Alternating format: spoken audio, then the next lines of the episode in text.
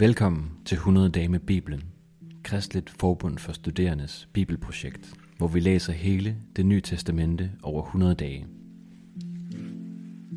Dag 38, Lukas evangeliet, kapitel 3 og 4, ved Emil Brun. I dag skal vi se nærmere på Lukas evangeliet, kapitel 3-4. I kapitlerne står en ting klart, at Jesus er Guds søn. Dette får vi forklaret ved tre forskellige begivenheder. Først ved Jesu dåb, dernæst i slægstavnen og endelig ved Jesu fristelse i ørkenen. Ved alle tre begivenheder får vi lidt mere at vide om, hvad det vil sige, at Jesus er Guds søn. Samtidig bliver det også gjort klar for os, hvad dåbens betydning er nu, da Jesus også tager del i den. Lad os komme i gang. I starten møder vi Johannes døber ude i ørkenen, som er i gang med at døbe og prædike for folket. Johannes' prædiken fokuserer på at bringe mennesker i rigtigt forhold til Gud. Han understreger, at de israelitter, som tænker, de var i en relation til Gud, på grund af at de havde Abraham som stamfar, heller ikke kunne vide sig sikker i sin relation til Gud. Folk måtte erkende, at de måtte vende deres hjerter mod Gud, før at de kunne tage imod dåben og have en relation til Gud. Dette gør Jesu dåb til en så stor begivenhed, for det er her, hvor Gud selv tager del i dåben med os. Ham, som selv var et fuldkommen perfekt menneske, tager del i vores dåb, som ellers kun er nødvendig for syndere som os. Ved Jesu dåb bliver det sagt til os som et vink med en vognstang, at Jesus er Guds søn. Gud siger det jo selv, han råber det fra himlene. Der kan være ingen tvivl om det. Lukas understreger det endnu en gang i slægstavnen lige efter, hvor han afslutter med søn af Gud.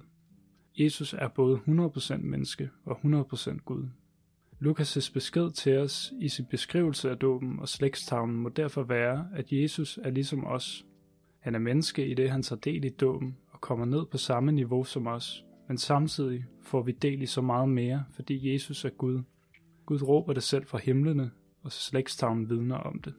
Endnu en gang ved fristelsen i ørkenen fremhæver Lukas, at Jesus er Guds søn. Djævlen frister Jesus først med mad, efter han ikke har spist i 40 dage, dernæst magten over alle jord, jordens riger, og til sidst, at han kan udnytte Guds magt ved at lade sig redde af engle. Alle tre gange modstår Jesus djævelens fristelser. Han modstår dem ikke kun, men modsiger ham også med Guds egne ord.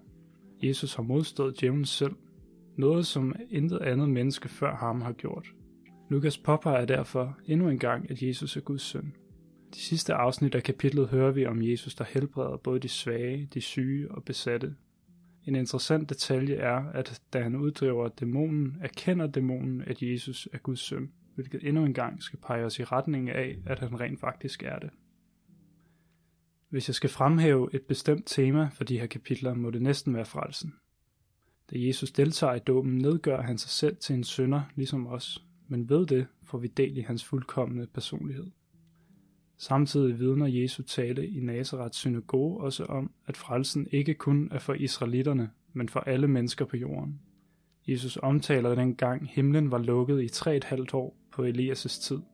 Elias helbredte ikke nogen israelitter, men kun enker fra de omkringliggende lande.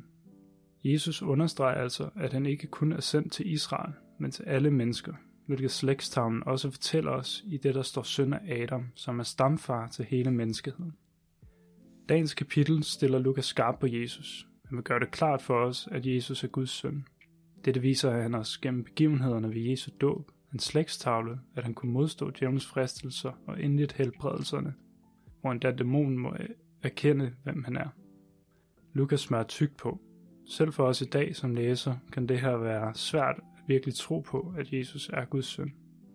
Djævlen kan nemt komme til at overskygge troen, så lad mig komme med en opfordring.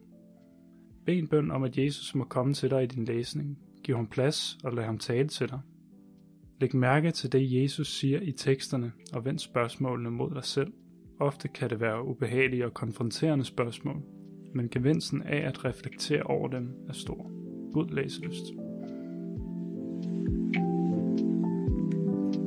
Hvis du har lyst til at følge vores læseplan, eller har lyst til at støtte vores arbejde med at formidle Bibelen, så gå ind på www.dk-100-dage eller følg linket i episodebeskrivelsen.